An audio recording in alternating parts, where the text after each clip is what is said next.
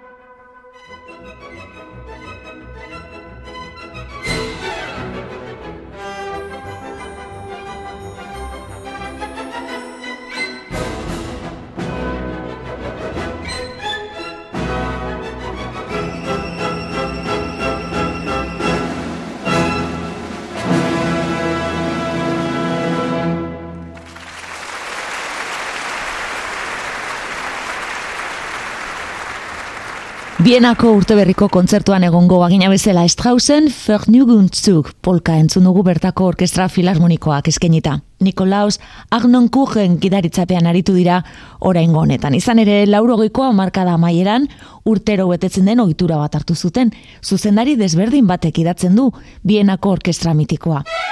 Klasikoak EITB-en. Strauss bigarenaren dibertsioaren tren alai horren ostean bizi-bizi erraituko dugu bibaldiren mandolinarako kontzertuaren amaierako alegroa entzunez. Giovanni Scaramuzzino mandolinista prest. Europa Galante Orkestra izango du lagun.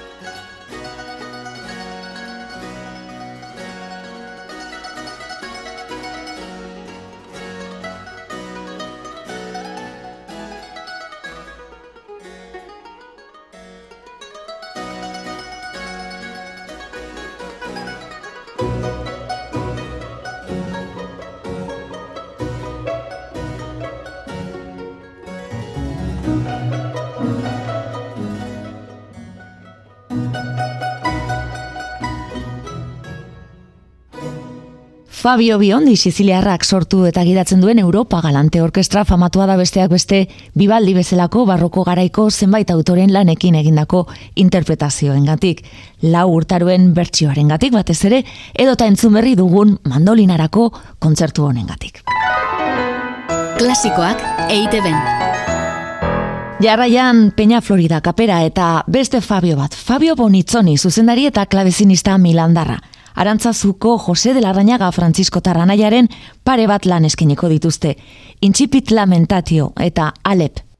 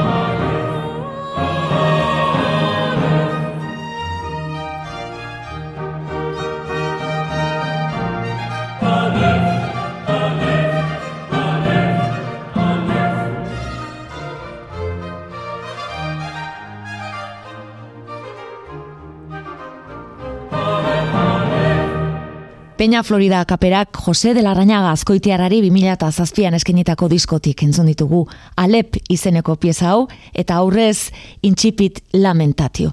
Mila bederatzerun da lauro gita bostean John Bagues musikalariak sortu zuenetik Peña Florida abez batzak antzinako musika ikertu du eta euskal kompositoren lanak zabaldu. Tartean, denbora luzez arantzazuko kapera maisu izan zen Jose de la Rañaga Francisco Tarrarena. Klasikoak EITB. New College Oxford abez batza orain. Edward Higin bat onburu dutela urrengo 6 minutuotan lasai-lasai Tomaso Albinoniren The Beatitudes izeneko adaio ederra eskeniko digute.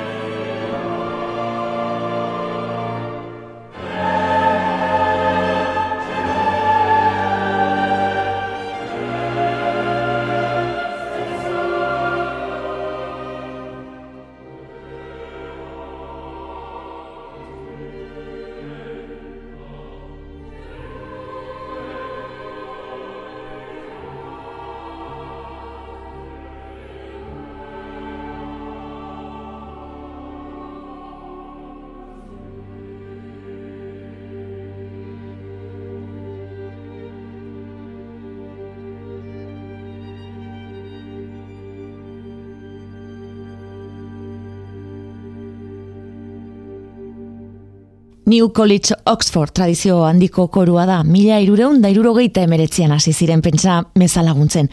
Beraz, Leicester zeireun da berrogeita amar urte beteko dituenez, erresuma batuko abesbatzarik txalotuenetakoa dela, beti danik esan dezakegu, lasai asko. Klasikoak eiteben. Albinoniren nada jo eder horren ostean gure garaietara aurreratuko gara. Henrik Oretzkiren lan honekin. Naiz eta Three Pieces in Olden Style izena duen. Poloniako antzinako musikan inspiratu baitzen egilea. Flandriako I Fiamini orkestrak eskeniko digu.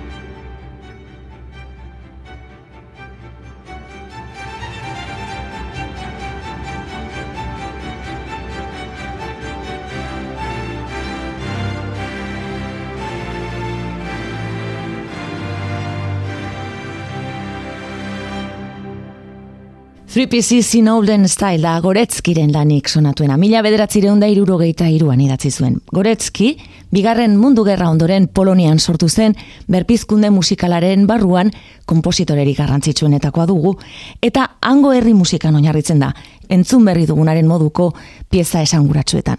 Ifiamini orkestrak eskaini digu. Flandriakoak esan nahi du italieraz, berpizkunde garaian, kompositore flamenkoek italian izan zuten ospeago goratuz. Klasikoak eiteben.